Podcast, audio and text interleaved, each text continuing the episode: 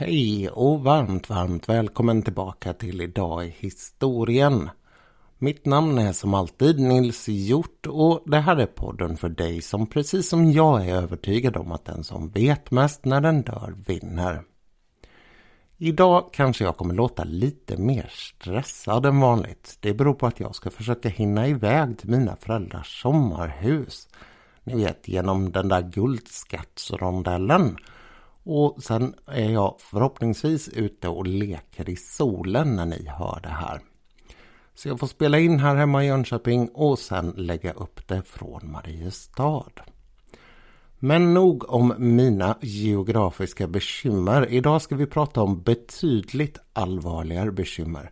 Vi ska prata om den svenska abortpolitiken och lite av de, eh, ja, problem som det här ställde till med på olika sätt. För er som har lyssnat länge på podden så har ni nog inte kunnat undgå att höra att jag emellanåt har gjort referenser till att jag har skrivit om aborter själv.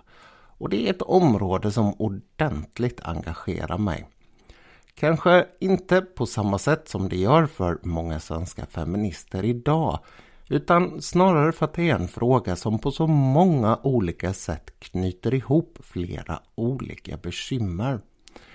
Min väg in i det här var genom medicinpolitiken via steriliseringar och dessutom att det på så många sätt och vis omfattar vilka rättigheter som finns. När jag sen på allvar började läsa in mig på hur den svenska abortpolitiken hade utvecklats jag satt ganska länge på ett sjukhusbibliotek och läste alla artiklar som fanns i Läkartidningen från tidigt 1960-tal till ungefär mitten av 1980-talet. Då upptäckte jag att det finns mängder av intressanta personer inblandade i det här. Och idag så ska vi möta ett par av dem och dessutom så ska vi stöta på några rejält stora politiska affärer. Inte bara i Sverige faktiskt, utan ute i världen. Men nu ska jag sluta puffa den här frågan och istället dyka rakt in i radikalernas verklighet på 1960-talet. En tid som känns som den var ganska nyss. Åtminstone för oss som är lite äldre. Och därför så är det också intressant att se hur otroligt annorlunda uppfattningarna var vid den här tiden. Jag ska bara komma med en sista liten detalj här och det är att jag tänkte stanna upp vid omkring 1970.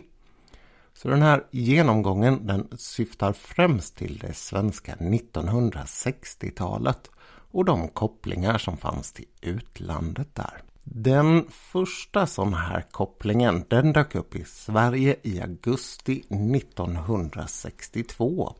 Och den gjorde det i formen av en amerikansk kvinna vid namn Sherry Finkbein. Ett lite oväntat namn och öde kanske mitt i den svenska abortpolitiken. Men det är ganska naturligt vad hon hade för plats och varför hon skulle komma att spela en så stor roll. Det var nämligen så här att Sherry Finkbein hon var 29 år gammal och hon hade fyra barn som var mellan 1 och 7 år gamla. De här barnen hade hon alla fått ihop med sin make Bob och de var ett väl, ja, etablerat får man väl säga, par hemma i Arizona. Sherry, hon var själv universitetsutbildad och hon jobbade deltid med att göra ett barn-tv-program. En riktig mönstermedborgare skulle man kunna säga. Och det är viktigt för den här historien. Hon hade egentligen ingenting emot att få ytterligare ett barn. Hon skulle faktiskt få det senare. Utan bekymret var att hon inte ville ha det barnet som nu fanns i henne. Hon hade nämligen, som så många andra kvinnor vid den här tiden, känt en oro under graviditeten och därför tagit läkemedlet Taladomid, eller som det heter på svenska, Neurosedyn. Och de flesta av er är förmodligen medvetna om vad det här innebar. Men för er som inte är det så ska jag ta en liten kort omväg här. Neurosedyn var en medicin som under en kort tid marknadsfördes som ett slags undermedicin. Inte bara kunde den få oro att släppa utan dessutom kunde den hjälpa dig att somna in enklare och i vissa fall så hade den också en väldigt god effekt på det illamående man kunde få på morgonen om man var gravid. Men det var också här som de stora problemen med läkemedlet fanns. Därför att om man var gravid under en viss fas av graviditeten och tog det så gjorde det att barnet eller fostret alltså skadades på väldigt karaktäristiska sätt. De skador som de flesta av oss tänker på när det gäller neurosedyn är att armar och ben utvecklas på ett sätt som gör att de blir kortare än på ett foster som inte har utsatts för den här neurosedynpåverkan under graviditeten. Sherry hade kommit i kontakt med neurosedyn och först efter att hon hade använt sig av det under graviditeten fått reda på att det skulle kunna ge de här skadorna på fostret. Något som naturligtvis väckte en väldigt stor oro hos henne. Det var ett bekymmer det här att nyheten om skadorna spred sig så pass sakta och jag kan tillägga vid det här laget att omkring 10 000 barn räknar man med skadades på det här sättet världen över. Några av dem så illa att de avled. För Sherrys del så verkade det här faktiskt inte leda till några större problem. I sin hemmadelstat Arizona så ansökte hon om abort. Och vid den här tiden, det här är alltså före Roe vs Wade, den här stora förändringen i den amerikanska abortlagstiftningen, så hade alla delstater olika och egna abortlagar. I Arizona så beviljades abort på kvinnor ifall det fanns risk för deras liv. Men man hade en ganska liberal tolkning av den här lagen och därför så beviljades Sherry abort ändå. Även om oron alltså gällde hennes foster och inte henne. Men för att varna andra kvinnor som var i samma situation så ställde Sherry upp på en intervju. Hon ville sprida kunskaperna hon hade fått och på så sätt hjälpa andra att undvika den situation hon hamnat i. Men det var ett fel drag visade det sig. Därför att väldigt fort så höjdes en opinion mot den här aborten och mot läkarna som hade sagt att hon skulle få en abort. Aborten blev alldeles snart återtagen och hon stod helt utan hjälp att kunna göra något.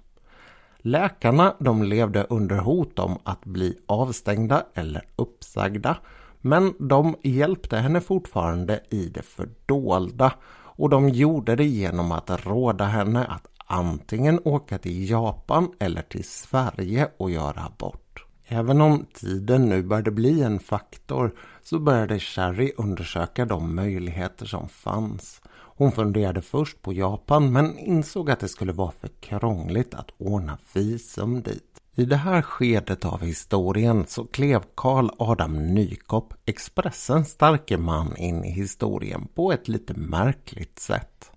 Han hade suttit och tittat på TV från USA eftersom satellitsändningar var något ganska nytt vid den här tiden och där sett om Sherry och hennes bekymmer.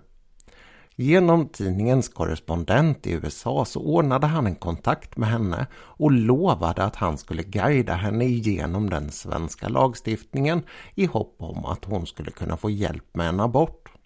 Givetvis så ville man ju ha vissa rättigheter att skriva om det här och det var någonting som Sherry var helt och hållet med på.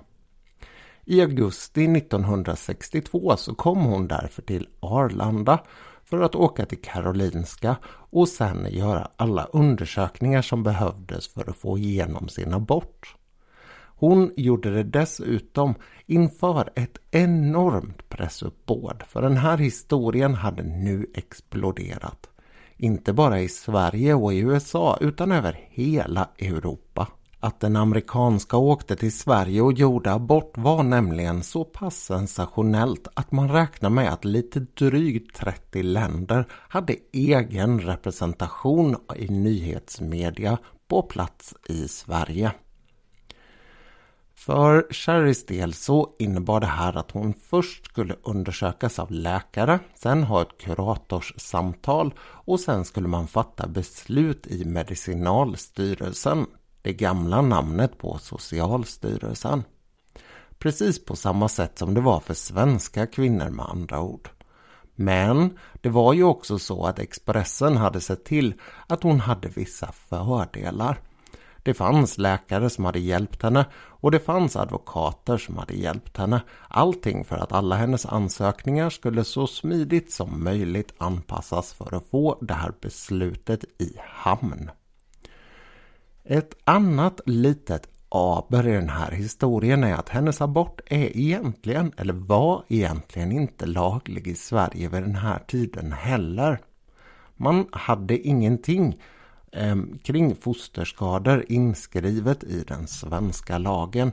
Utan egentligen handlade det om medicinska fallen. Man hade alltså i den svenska abortlagstiftningen vid den här tiden olika indikationer som gav rätt till att göra en abort. Och den indikationen man tänkte sig att använda sig av här var den medicinska.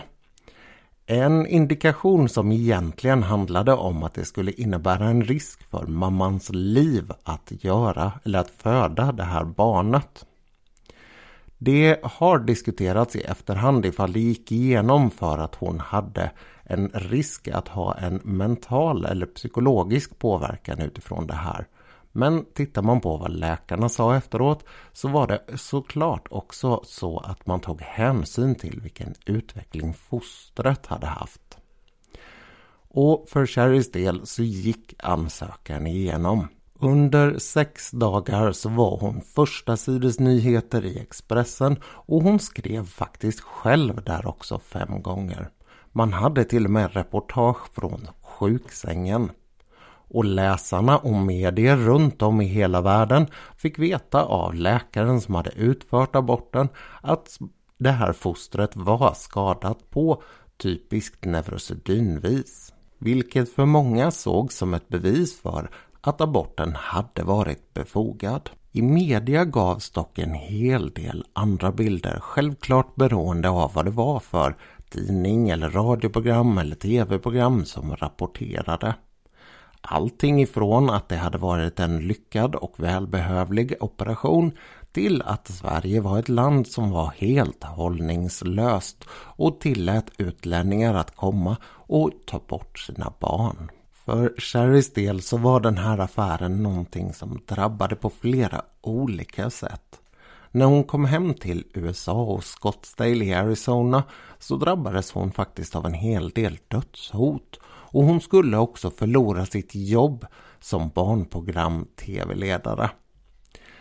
Det skulle bli två barn till för familjen Finkbein innan de skilde sig och Sherry gifte efter det om sig och bytte namn till Chessen.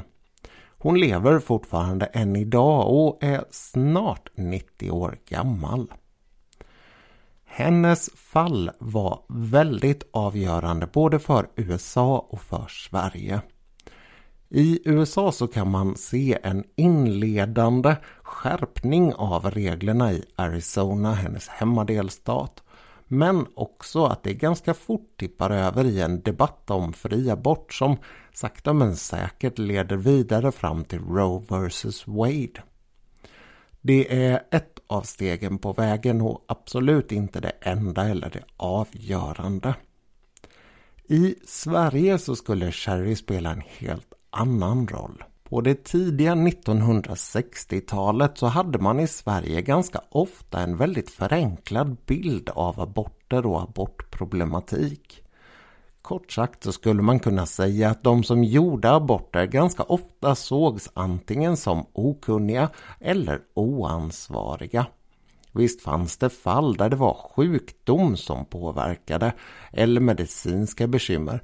Men de var få och i de allra flesta fallen så var det någonting som andra gjorde. Någonting som annorlunda andra gjorde. Och för de här människornas, eller för uppfattningen om vilka som gjorde abort, så spelade Sheriff Finkbein en väldigt stor roll. Hon kom från USA, det stora och framgångsrika landet i väster och hon var dessutom en ansvarstagande och framgångsrik kvinna som hade drabbats av ett missöde som hade kunnat drabba i princip vem som helst. Dessutom så var hon talför och hon ställde glatt upp på både intervjuer och på att skriva själv. För den svenska allmänheten så spelade det här naturligtvis en väldigt stor roll och det gav dessutom en bild av oss själva som ett land som kunde hjälpa till på ett helt annat sätt än USA som kanske inte riktigt var i framkant vad det gällde att vara progressiva.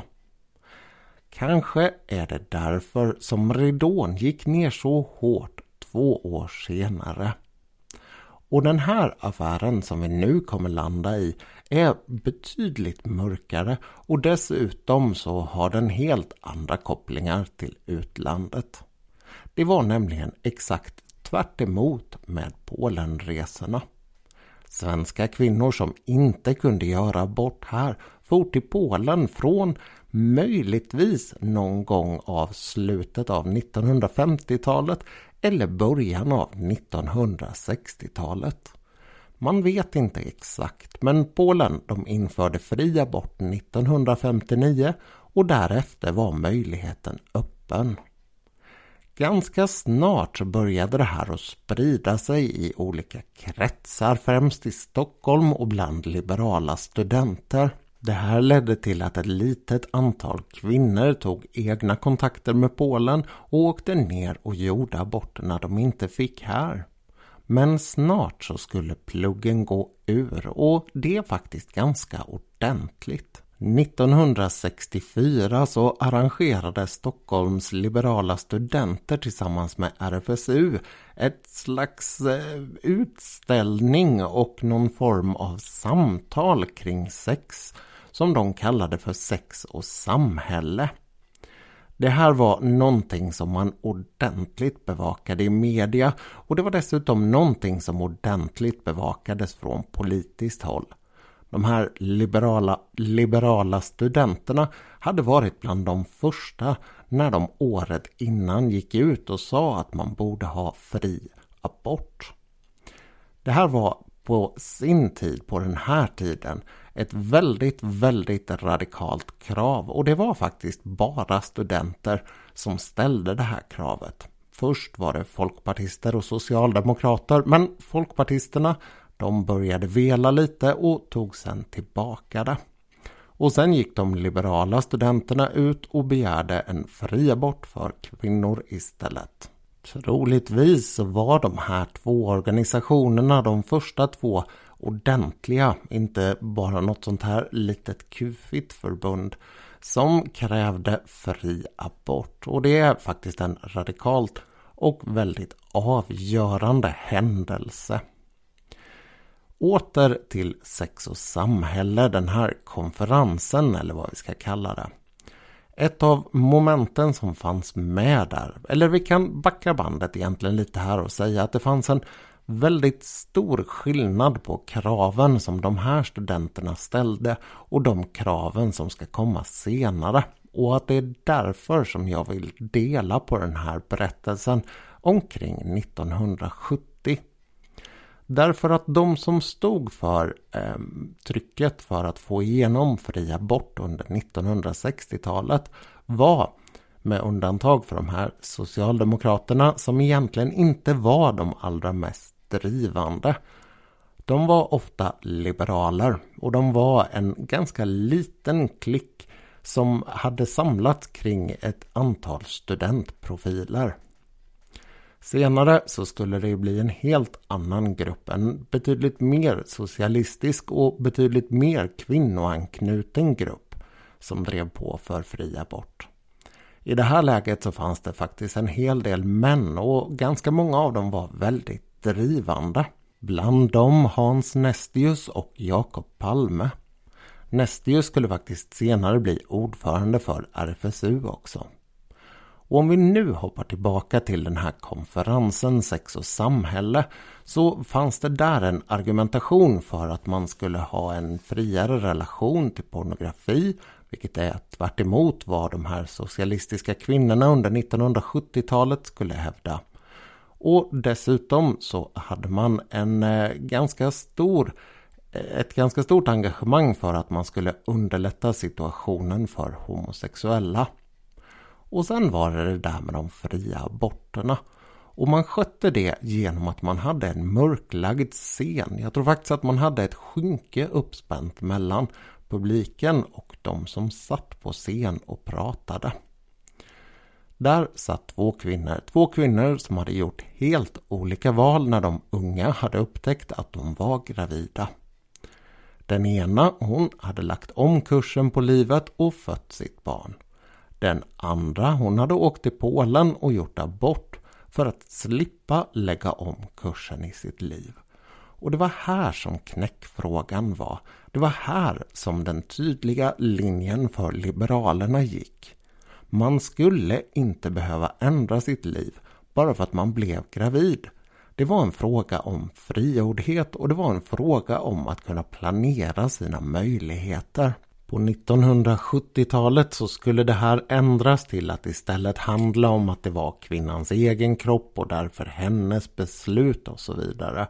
Och det finns alltså en ganska tydlig skillnad i hur man utgår ifrån den, eh, ja, olika delar när man argumenterar här. En annan sak som man kunde argumentera för på 1960-talet det var att man Eh, ville ha barn men att man kanske inte ville ha barn just nu och att det därför var onödigt med oönskade graviditeter. På 1970-talet så var argumenten annorlunda återigen i den här frågan. Där kunde man på ett helt annat sätt argumentera emot hela den här idén om moderskap. Det som man kallade för moderskapsmyten. Frågan var alltså inte på 1970-talet när man ville ha barn, utan om man ville ha barn. Återigen en kvalitativ skillnad mellan de två olika grupperna. Men det var inte det som jag ville prata om i samband med sex och samhälle utan det som nu hände. Därför att efter att alla studenter hade varit och tittat på det här, någonting som man från ganska många håll såg som ett stort spektakel bara, så visade det sig att det fanns ett stort behov av att få hjälp med aborter. Många kvinnor kontaktade antingen hon som hade suttit på scen eller Hans Nestius för att få hjälp med hur man egentligen gjorde för att åka till Polen och göra en abort. I tidningen klubbtidningen för Stockholms liberala studenter så började man därför att skriva om hur man gjorde. Man presenterade vilka olika vägar som fanns och hur man skulle kontakta folk och sådär.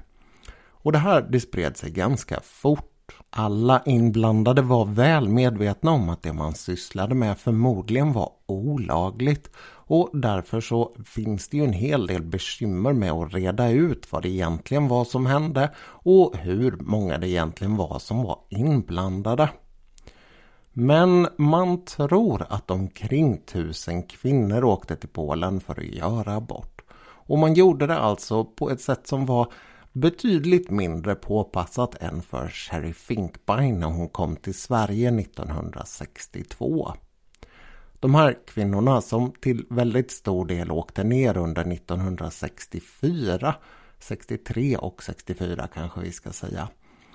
De åkte ofta ner själva och de åkte dessutom till ett land där de hade väldigt, väldigt svårt att kommunicera med folk. Kjell Finkbein hade ju kommit till Sverige och mötte nästan överallt folk som kunde prata engelska. Det hela det ledde till att man reagerade från myndigheternas sida. Riksåklagaren gjorde snart ett tillslag mot Hans Nestius hem och man begärde in honom för att förhöra honom samtidigt som man rotade efter namn och adresser och sånt i hans hem. Det skulle bli åtal och det skulle bli åtal mot honom och de kvinnor som hade åkt iväg. I det här läget så kliver nästa svenska kvällstidning in. Aftonbladet. De lovar Nestius en advokat och de ger honom dessutom utrymme att skriva om vad det är som händer i den här affären. Och när han gör det så får han väldigt mycket av opinionen med sig. Man skulle väldigt förenklat kunna säga att det blev en väldigt tydlig svartvit effekt mot den svenska glädjen att Sherry Finkbein kunde komma hit och få hjälp och att svenska kvinnor som åkte iväg till Polen för att vi inte kunde hjälpa dem nu dessutom skulle straffas när de hade kommit hem. Och det är en väldigt, väldigt märklig krock i den svenska politiken som har gett upphov för den här situationen. Det var nämligen så att de här kvinnorna de ville ju ta kontroll över sina liv. Det hade inte ingått i deras planering att bli gravid vid just det tillfället och därför så ville de iväg och göra en abort i Polen för att kunna komma hem och fortsätta. Det fanns inget utrymme för det här i Sverige. Ni vet att jag nämnde de här indikationerna tidigare. Skulle man ha haft sådana här aborter lagliga i Sverige så skulle det inneburit att man hade en social indikation. Alltså en indikation som sa att det i den livssituation, i den sociala situation man befann sig var omöjligt att föda ett barn och därför så skulle man eh, tillåtas att utföra en abort. Det här var någonting som vid olika tidpunkter hade diskuterats. Ända sedan den svenska abortlagstiftningen kom till så hade man faktiskt diskuterat på olika sätt vilka typer av tillägg eller avdrag man skulle kunna göra från indikationerna och vad indikationerna tillät. Och Sherry Finkbeins abort den hade faktiskt lett till att man fick ett nytt sånt här ehm, en ny sån här indikation, en fosterskadeindikation vilket naturligtvis tydligt också hängde samman med neurosedynskadorna. Det här var alltså någonting som man gjorde för att säga så att säga vara på den säkra sidan med att det faktiskt var lagligt att göra abort när det gällde fostrets hälsa och inte moderns. Men när det gällde de här unga friska kvinnorna som åkte iväg till Polen och gjorde abort så gällde det ju absolut inte sådana saker. Utan det gällde bara den sociala situation de befann sig i. Och här finns det någonting som brukar kallas för det sociala argumentet. Ett argument som är riktigt fascinerande. Därför att tanken man utgick ifrån det var att man från samhällets sida skulle kunna hjälpa alla kvinnor att bli mödrar och att de faktiskt ville bli mödrar. Och om man tillät någon kvinna att göra en abort utifrån sociala indikationer så innebar det att man underkände den sociala politiken. Hängde ni med där?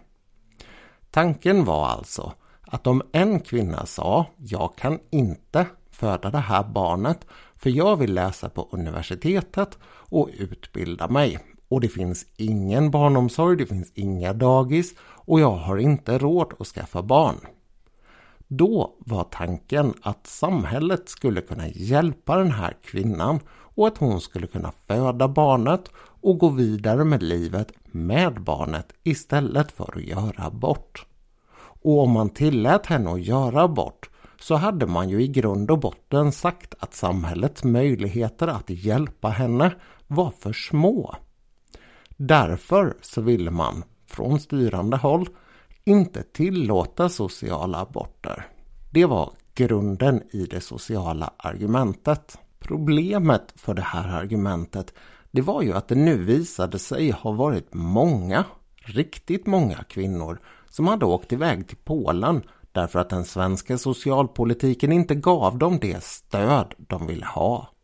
Eller så kanske de bara var otacksamma och inte ville ta emot stödet och göra precis så som man tyckte att de borde göra. Oavsett vilket så ville man nu alltså väcka åtal mot dem.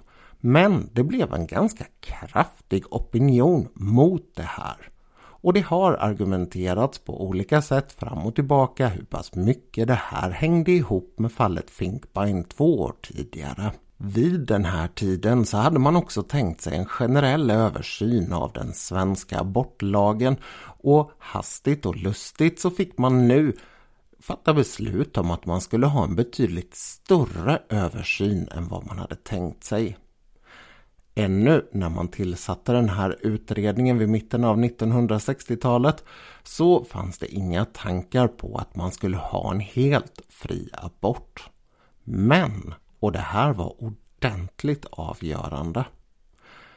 Det kom från socialministerns, möjligen justitieministerns, nu kanske jag säger för mycket, eh, håll här när man tillsatte den här utredningen. Ett direktiv som sa att man skulle undersöka möjligheterna för en liberalisering. Och det här direktivet det ledde vidare till precis det här som jag satt och tragglade fram och tillbaka på ett sjukhusbibliotek för 20 år sedan de svenska läkarnas anpassning till den fria aborten. Därför att det som nu händer från 1965 och fram till 1975 när aborten blir fri, ungefär, det är att man sakta men säkert inför en fri abort i Sverige.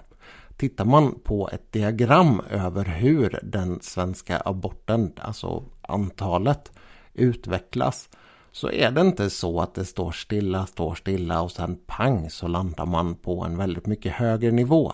Utan tvärtom så är det en ganska dynamisk utveckling från 1965 och fram till 1974-75.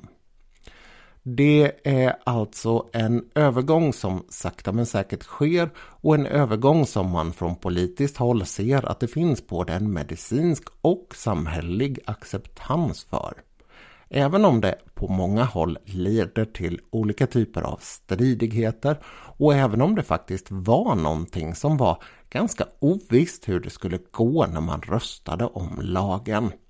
Och det som är intressant det är att det sällan var läkarna som var emot utan snarare politikerna. RFSU de är så pass sena som 1968, det vill säga fem år efter de här studenterna att ställa kravet på fri abort. De socialdemokratiska kvinnorna de dröjer till 1970 och högerkvinnorna de är ju såklart inte med alls i den här vevan. Men nu har jag dragit iväg ordentligt över en halvtimme och som jag sa så skulle vi egentligen inte gå in på 70-talet och den eh, ja, ganska tydliga skillnad som sker där. Det blir då betydligt mer egentligen av en politisk fråga än en samhällelig fråga eller vad man ska säga att det har varit under 60-talet. Det intressanta som jag ville sätta fingret på nu det var just det här med Sheriff Inkpine och Polenresorna och hur de här två sakerna ställdes på sitt sätt ganska mm, klumpigt ibland mitt emot varandra. Men också hur annorlunda uppfattningen var mellan 1960-talets radikaler som var liberala och 1970-talets radikaler som var socialistiska. Och man fortsätter med de ganska grova förenklingarna. Men det är förenklingar som faktiskt är förankrade i verkligheten och det är väldigt tydligt att det finns en kvalitativ skillnad på vilka det är som argumenterar för fri abort under 1960-talet och 1970-talet. Inte bara i fråga om vilka som var de personliga aktörerna utan också var de kom ifrån för olika bakgrunder. Och det här var dessutom två grupper som på sitt sätt skulle drabbas samman också. Man hade olika uppfattningar i olika frågor som gjorde att man inte alltid drog helt jämnt. Precis på samma sätt som de här 1960-talets liberala radikaler hade drabbat samman med 1940-talets mer eh, radikala personer. Det är såklart också en helt annan fråga och jag känner här hela tiden nu hur jag är på väg att sladda in på helt andra ämnen som ligger och lurar ute i marginalen. Jag ska passa på medan jag ligger på topp och göra som George Costanza och tacka för mig. Tills vi hörs nästa gång, allt gott och njut av solen.